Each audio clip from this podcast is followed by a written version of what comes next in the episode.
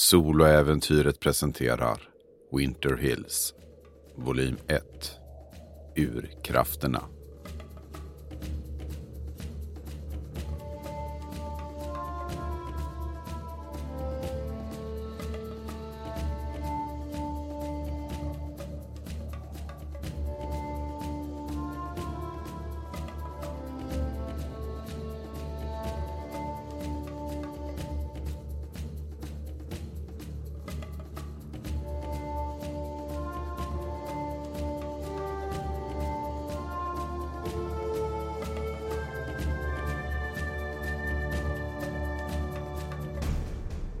Säsong 1, avsnitt 30. Nothing and Nowhere, sjätte delen. Vinden yr omkring SS Salvation som har lämnat New Yorks hamn bakom sig. Fartyget är på väg norrut tillbaka till Winter Hills. Det som ska bli det nya hemmet för de familjer och tjänare som nu befinner sig redo att bege sig.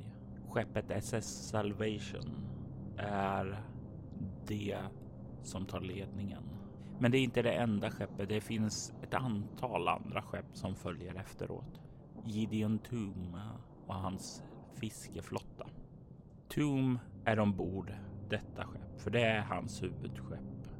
Men det finns gott om folk som man litar på som har kontroll över de andra skeppen och tillsammans så fraktar ni alla de här personerna som finns med ombord. Efraim befinner sig nere i hytten som han bodde i tidigare. Den är trångare nu. För den här färden så är han inte ensam. Den unga Efraim befinner sig i sin hytt. Han delar den med sin far den här gången eftersom utrymmet på SS Salvation är begränsat. Han är dock ensam just nu. Viktor har lämnat rummet och begett sig iväg till mötet som ska hållas nu när ni egentligen är på väg. Men Efraim är kvar och gör i ordning de sista förberedelserna, klär på sig, byter om och sådant. Vad går igenom hans huvud för tillfället nu när han gör sig redo för mötet? Ja, men jag har gått lite som på autopilot kan man väl säga. Jag håller på och eh, fixar med mina kläder och sen plötsligt slår det mig och jag tänker tillbaks på, på hur det gick till när vi lämnade New York. Och jag tänker på hur jag betedde mig, hur jag tryckte mig fram bland människor, hur jag ropade efter hjälp och såg på hur de hade ihjäl de här tjänarna som stod framför mig.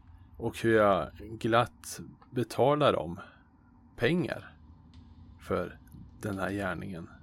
Och jag inser nu, jag har ju betalt blodspengar och det här kommer tillbaka så skarpt att det börjar nästan snurra i huvudet. För jag känner inte igen mig själv. Jag förstår inte hur jag skulle... Det här går inte... Jag kan liksom inte... Jag kan inte känna hur, hur jag skulle kunna göra något sånt här ohederligt. Det är ju inte jag, det kan inte varit jag som gjorde det här. Så jag sitter och försöker samla tankarna, försöker rättfärdiga det på något sätt.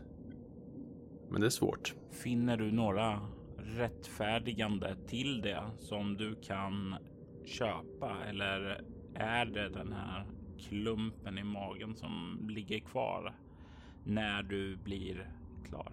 Jag försöker ju tänka att eh, ja, men det är viktigt för mig att leva och jag tänker på familjen, jag tänker på men nej, eh, ingenting får, får den här klumpen att lätta. Så är det. Jag tänker mig att du kan slå ett skräckslag med utstrålning och du får välja om det är omskakande eller chockartat beroende på hur stort intryck du tycker det här har på dig. Men i och med att jag har tid att bearbeta så blir det väl omskakande. Mm. Jag slår en fyra. Åtta. Det är lyckat. Du kan ta och få kontroll över dig låta det rationella sinnet trycka tillbaka de bubblande känslorna som finns där. Du kliver ut och vandrar upp till kaptenshytten. Det här är ju inte ditt första möte. Under första och andra resan var du ju med om ett par möten tidigare. Hytten känns dock mindre nu med tanke på att det är mer människor här.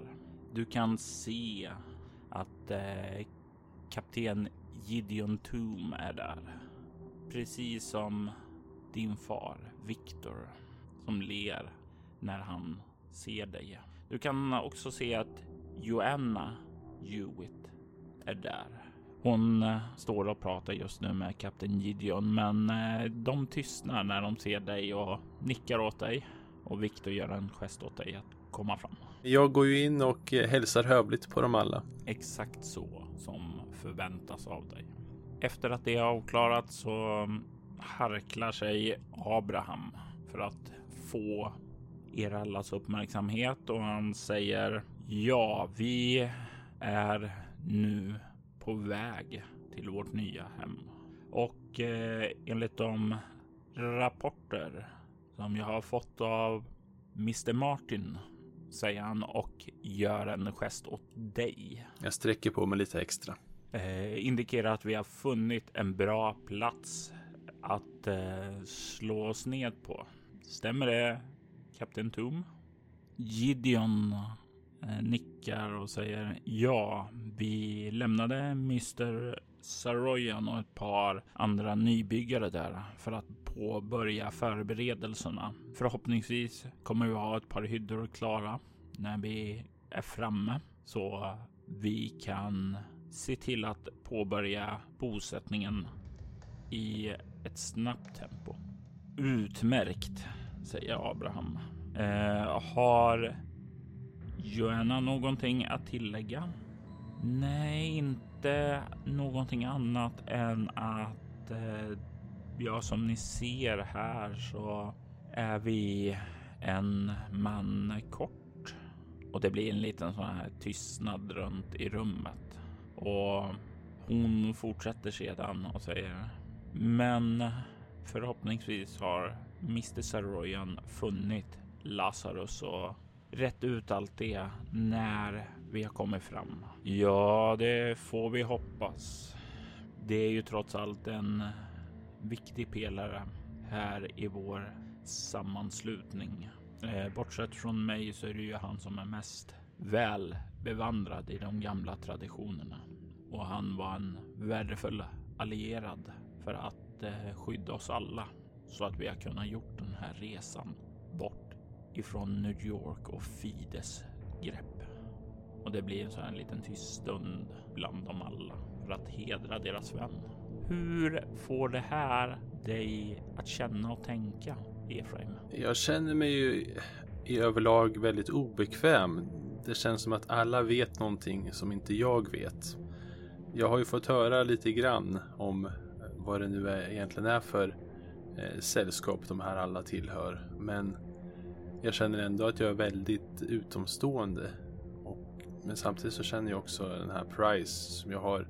Ja, men det finns en konflikt i vad jag egentligen tycker om honom. Jag har ju fått veta att han var väldigt viktig för att jag ens eh, skulle finnas till.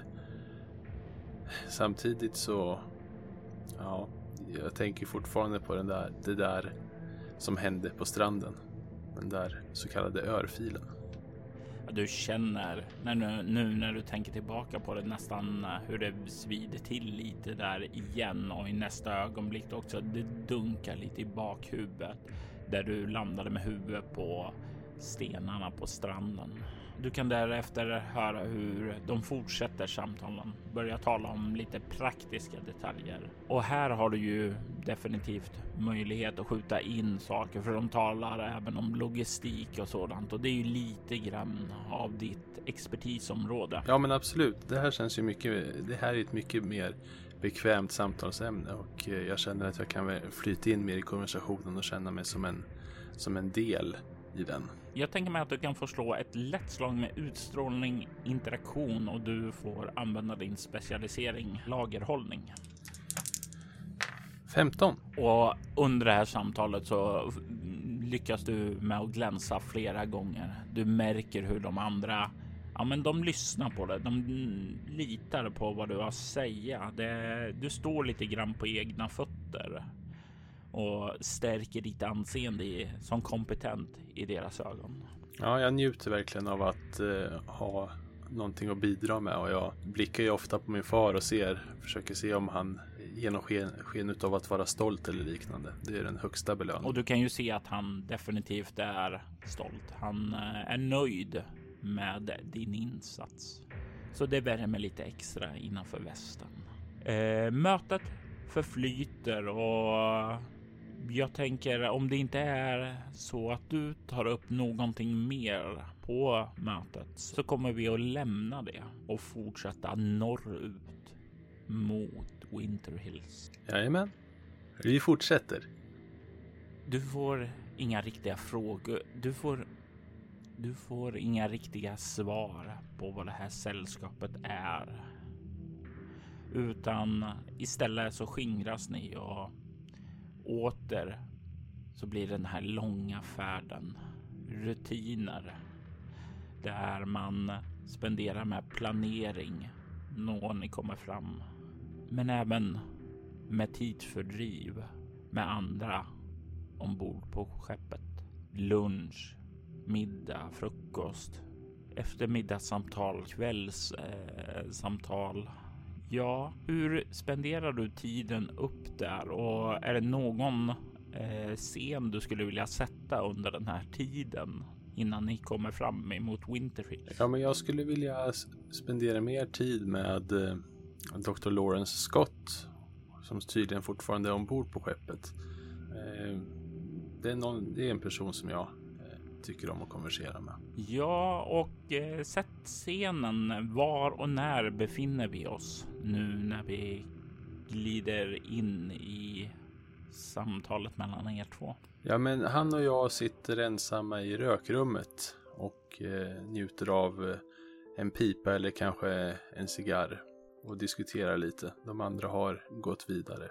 Men vi är kvar ensamma. Det börjar bli sent på kvällen. Hur lång tid in på resan är det här?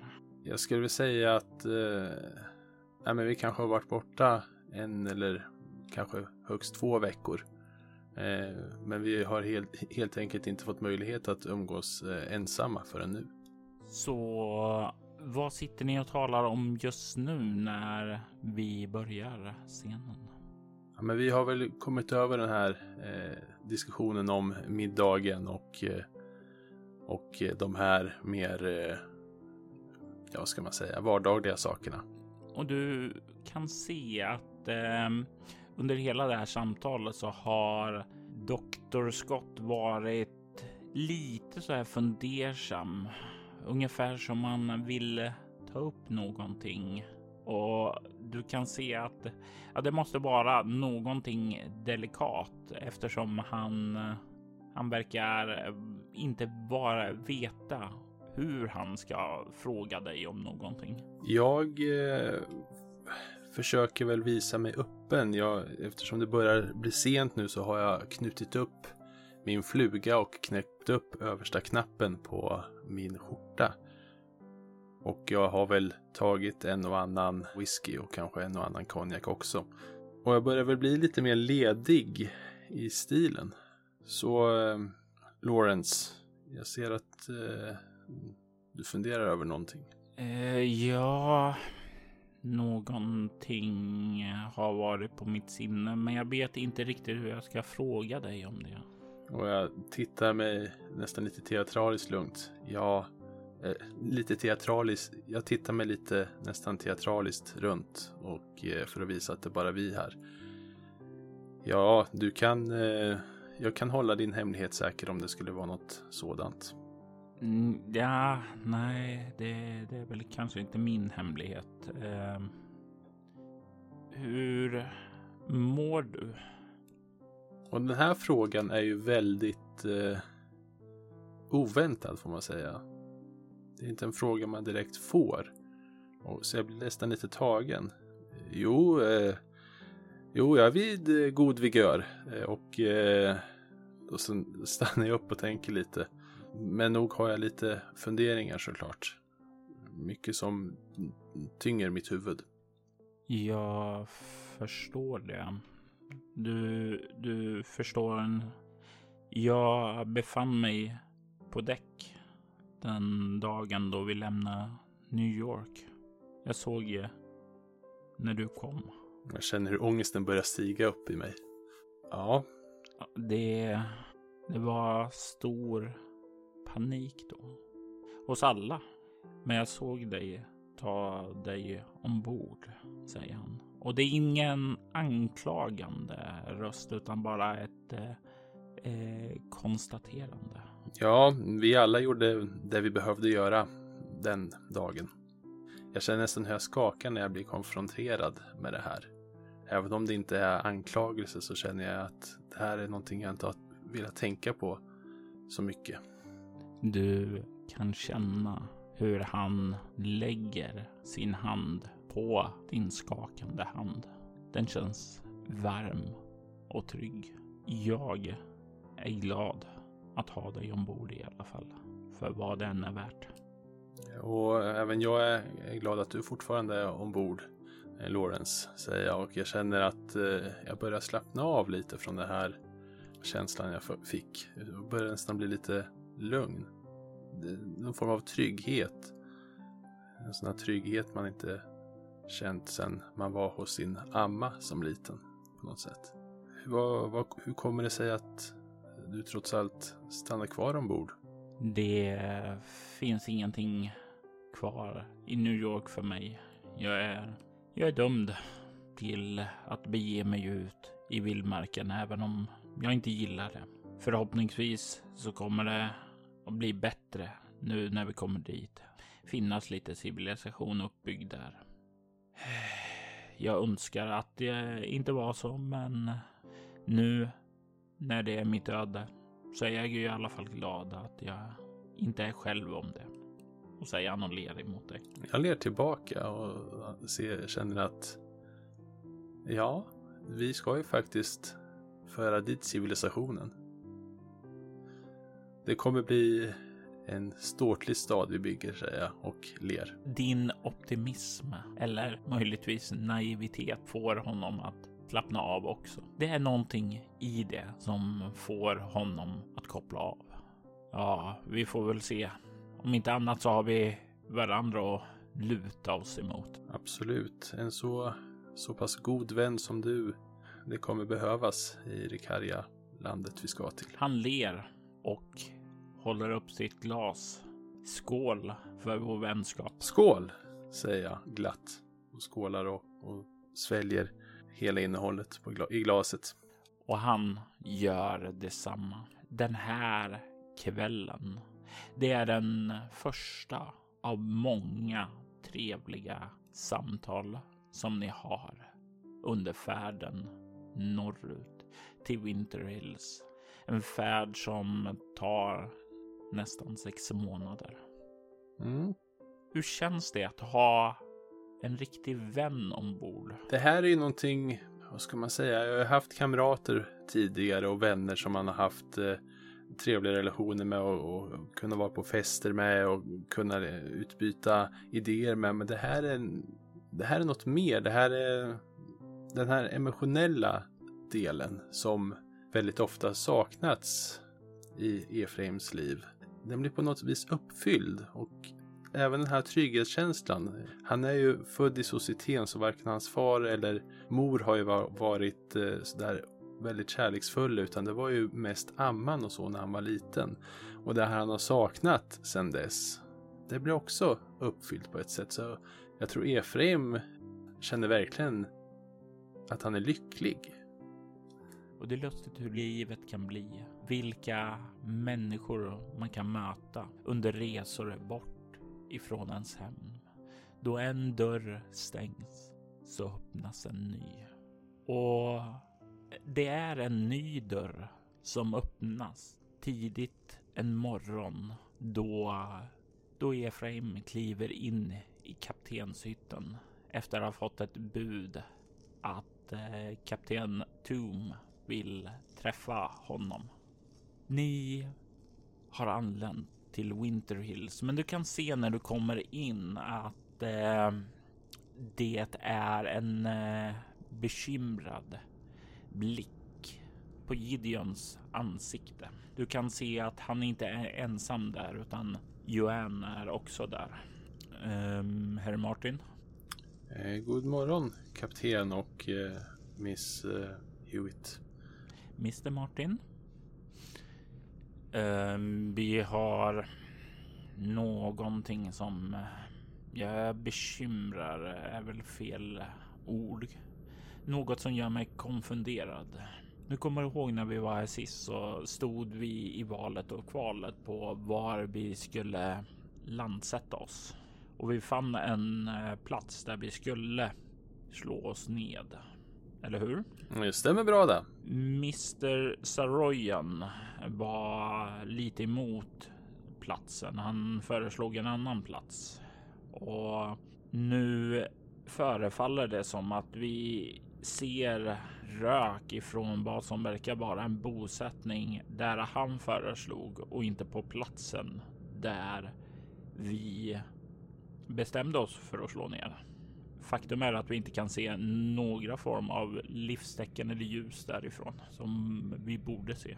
Vänta på Robert, påminn mig bara. Eh, ja. Vi landsteg ju på ett ställe. Sen så får ju jag och Saroyen iväg till någonstans där det fanns en bäck. Ja, men det var ändå på västra kusten.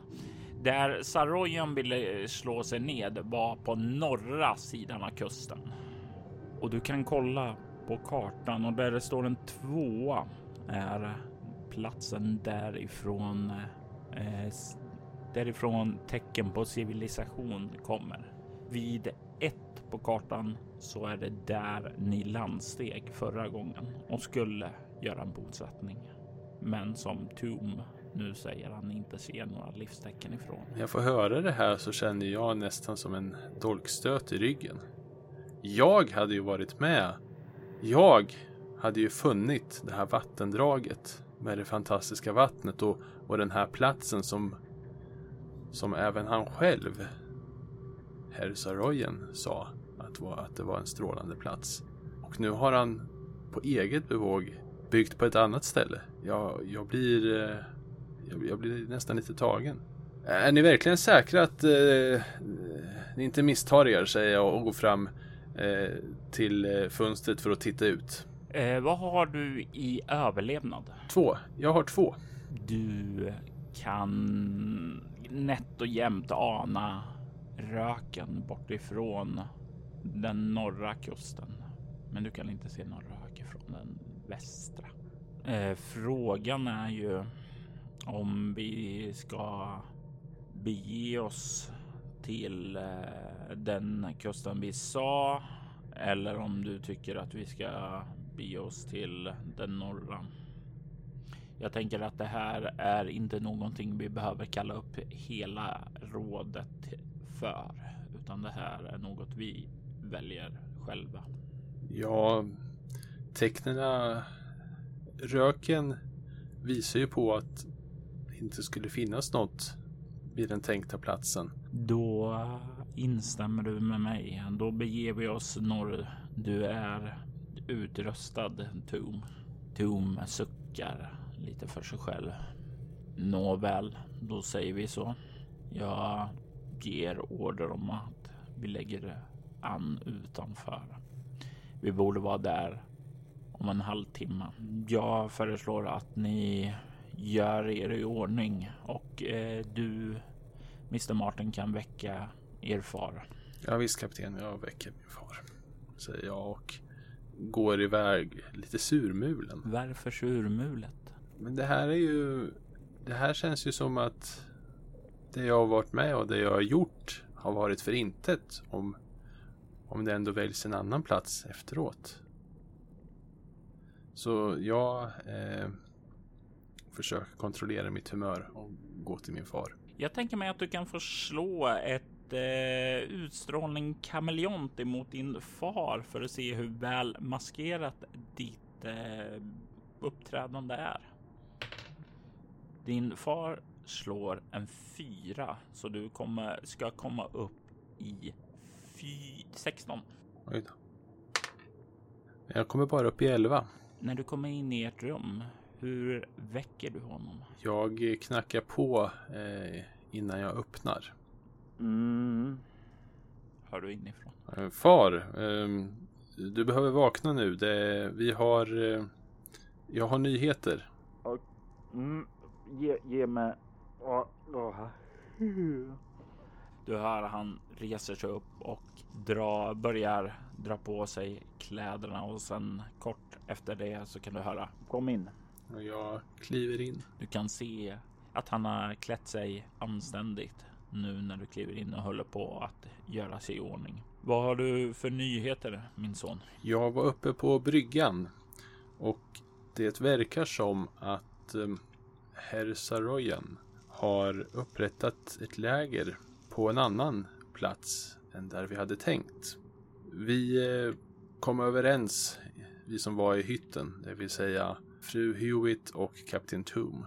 Och vi kom överens om att eh, vi skulle fara till platsen där vi såg rök, där vi då tror att eh, lägret finns. Jag kan ana att eh, du har åsikter om det här, säger han och kollar allvarligt på dig. Utveckla vad du tänker på.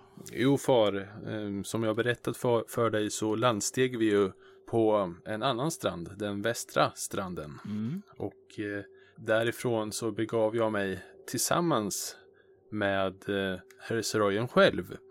Och vi fann ju ett vattendrag och en utomordentligt bra plats att förlägga vår nya stad vid. Men där vi ser röken är från den andra alternativa landningsplatsen dit vi aldrig for. Mm. Min eh, oro är att eh, herr Saroyan har på eget bevåg flyttat platsen. Ja, det, är ju, det låter ju det troliga att han har på eget bevåg flyttat den eftersom det är han som är den som har ansvaret för alla där. Men eh, det, det är väl snarare frågan varför. Och du kan se att han eh, håller på att slutföra det sista av morgonrutinerna. Jag gissar på att eh, vi kommer ha tillfälle att eh, ställa herr Saroyan mot väggen. Jag hoppas eh, synnerligen att vi får den möjligheten. Far, det är någonting jag har ämnat att fråga dig också. Eh, ja, eh, fråga på det. Nu när vi väl kommit i land och saker och ting börjar få sin rutin så skulle jag vilja veta mer om, ja, hela det här sällskapet och, och varför vi, jag vill ha mer detaljer helt enkelt. Jag känner inte riktigt att jag eh, har blivit ordentligt invigd än. Nej, och det är fullt förståeligt. Jag hade tänkt att inviga dig lite i vår familjs eh, tradition när du blev äldre. Men eh, omständigheterna är annorlunda så jag gissar på att du förtjänar att få veta varför vi måste lämna vårt hem. Vår familj var med i ett sällskap som kallades för Presnons Lodge. Vi var ett flertal inflytelserika personer eh, som eh, gagnades av vårt gemensamma kontaktnät. Vi följde vissa ceremoniella högtider. Som vilken annan tro som helst så hade vi våra riter också. Vi samlades eh, under högtider där vi åt gott, där vi socialiserade och då vi bad tillsammans. Det gav oss i utbyte ett inflytande bortom de normala ramarna. Som du säkert har hört så har Mr Holtz eh, nämnt att han och Lazarus Price var viktiga. Och det är för att de båda, de besatt ett ceremoniellt kunnande. Det är som så att de kan styra världen i den riktning som behövs genom vissa särskilda fokus, genom vissa böner och genom vissa principer de följer. En, eh, ja, vi skulle kunna säga att de kan utföra mirakel. Vad går igenom Efraims tankar när hans far väldigt lugnt och väldigt allvarligt berättar det här? Ja, med tanke på att Efraim redan har blivit införstådd i, i grunden och accepterat det, det som han fick höra av eh, herr Holtz. Så är det faktiskt inte så där jättesvårt att fortsätta acceptera det. Det är trots allt hans far som berättar om det här. Far, eh, när du säger mirakel, hur, eh, hur menar du då? Jag menar att han kan påverka saker som inte du och jag skulle kunna göra. Han kan eh, ge oss gynnsamma omständigheter här i det nya landet. Hade vi haft Lazarus så hade vi haft bättre möjligheter att göra det, men jag är säker på att Abrahams arbete kommer att skänka oss lugn och frid här i trakten. Tack för att du berättade det här för mig far. Jag, eh, jag ser fram emot att få veta mer och, och få delta i de här eh, riterna framöver. Så fort vi har skapat oss ett hem här så kommer vi att återskapa det som har varit förlorat. Det som Fides ville ta ifrån oss. Då ska du bli en av oss. Då ska du få träda in i vår sanna gemenskap. Du sa att eh, vi var på väg mot den här nya bosättningen. Låt oss gå upp till kaptenshytten. Eh, ja far, eh, det var därför jag kom för att hämta dig. Jag inser precis att eh, jag har fastnat i tankarna som, kring det här han har berättat nu. Men jag tar med mig kläder så jag ska vara redo att kliva ut på däck sen också. Mm. Och det gör ju din far också. Ni kommer upp där och eh, snart så är ni och de andra rådsmedlemmarna samlade här i kaptenshytten. Ute på däck så kan du se även hur eh, mannarna ombord också har samlats där. De som inte måste arbeta och sköta saker, de står där och kollar emot kusten i det nya förlovade landet som ska bli deras hem. Ni ankrar där ute i havet samtidigt som någon börjar göra i ordning en båt som ska kunna sjösättas så att några ska kunna ro in mot land. Men medan ni håller på med det arbetet så kan du se en båt som verkar lämna land och du kan se det genom den lykta som liksom sitter i båten. Någon håller en lykta i båten så att det syns.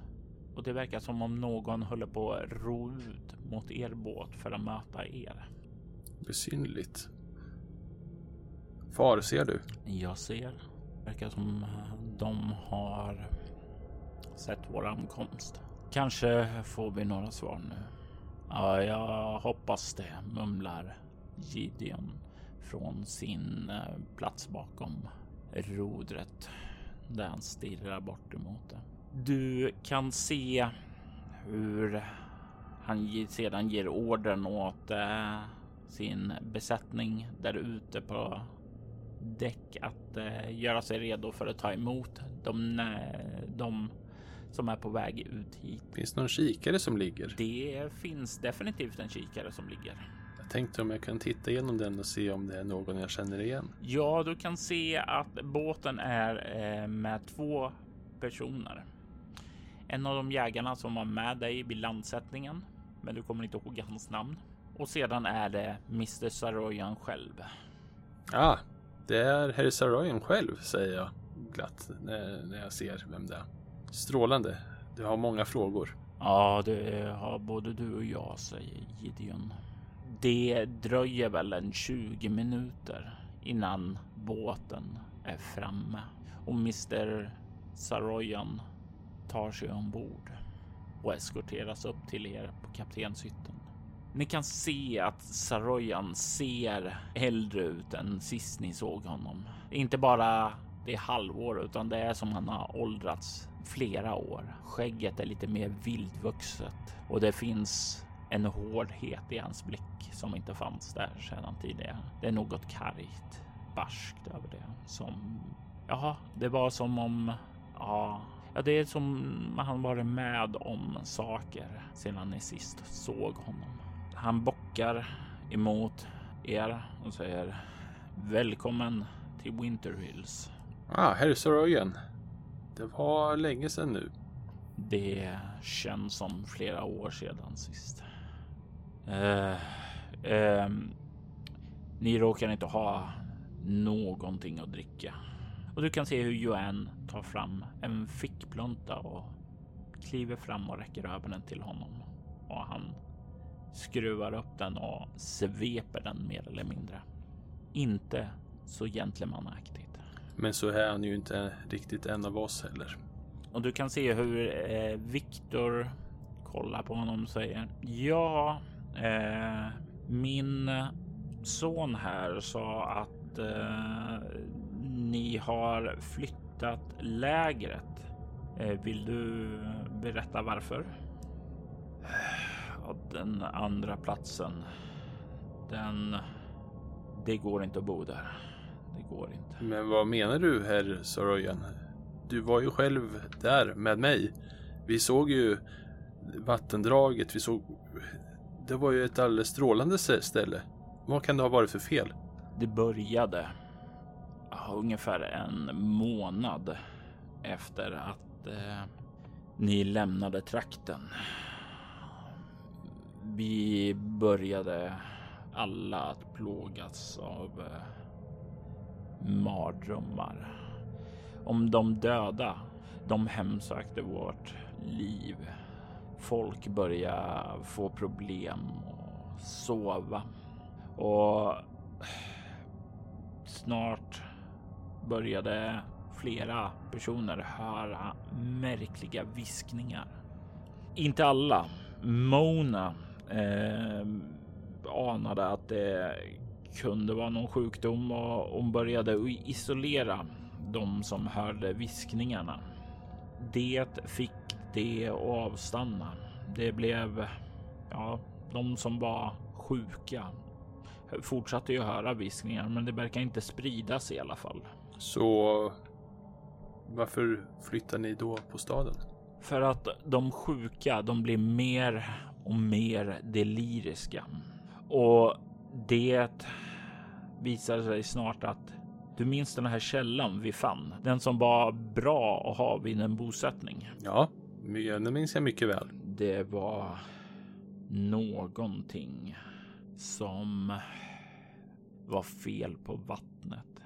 Det började anta en sjuklig nyans och Mona sa att hon inte var utbildad inom området, men att hon hade hört talas om att vatten kunde innehålla sjukdomar. Och om ni hade sett vattnet så skulle ni vara benägen att tro mig. Det var något sjukligt med det.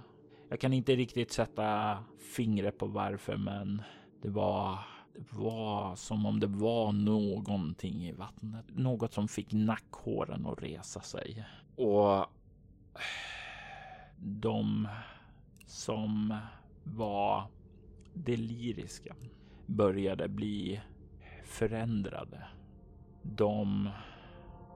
Och du kan se här hur han eh, tystnar och verkar märkbart tagen. De, de blev galna. De attackerade oss. Attackerade? Ja, vi hade något konstigt tungomål som de skrek på.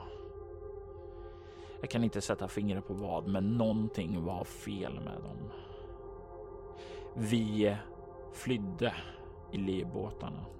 Jag och några andra av jägarna höll stånd så lång tid som möjligt så att vi kunde rädda så många av dem friska som möjligt. Men alla överlevde inte.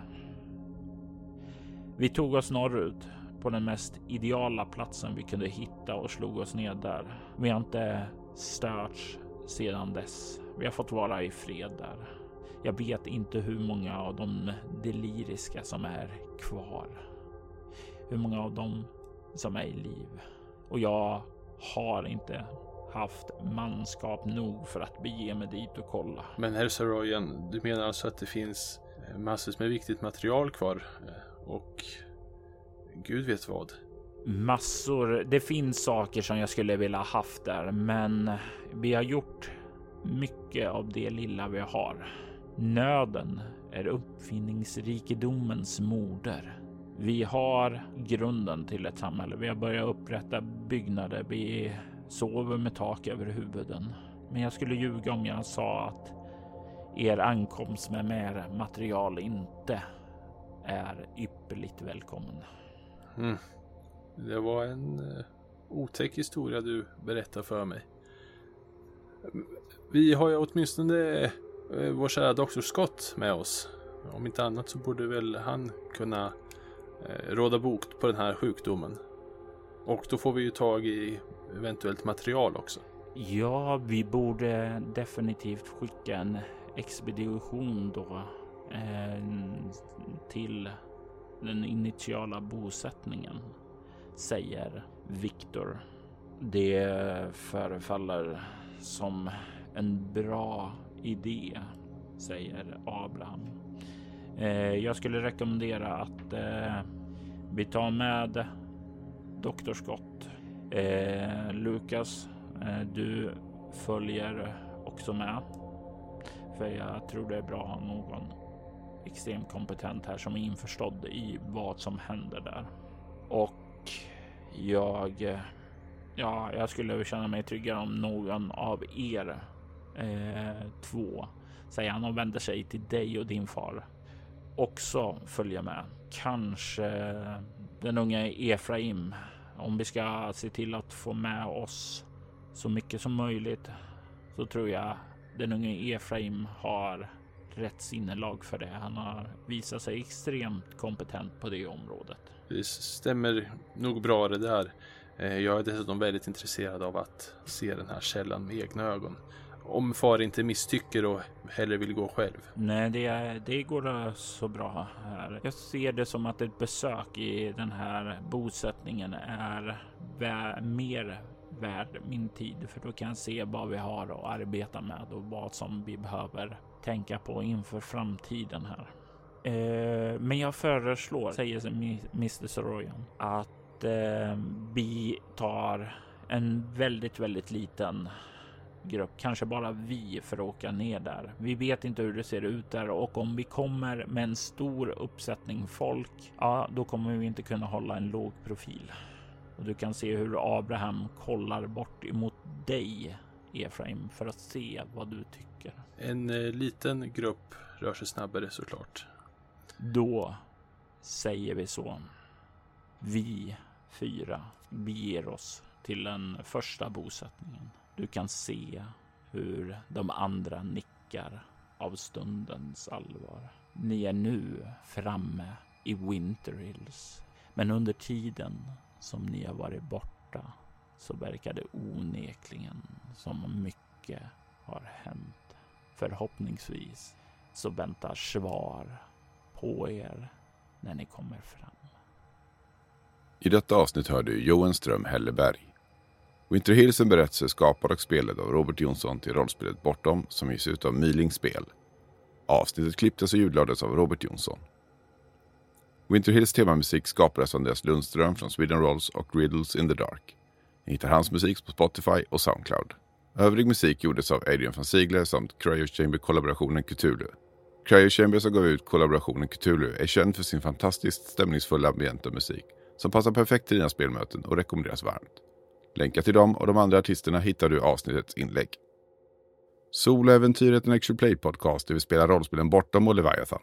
Ni kan komma i kontakt med oss via mail på info.bortom.nu. Det går även att följa oss på Instagram och Twitter som @spelabortom, på Facebook samt på bortom.nu. Känner även fri att spana in vår spin-off-podd Altors vidder. Där spelar vi det klassiska rollspelet Drakar och Demoner i världen Altor.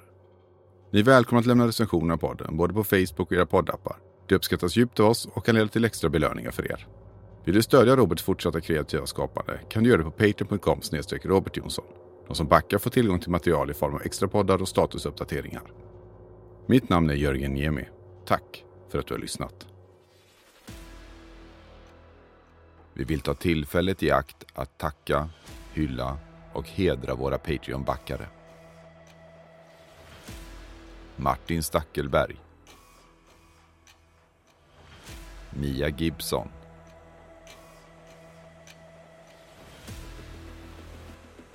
Ty Nilsson. Daniel Pettersson. Och Daniel Lantz.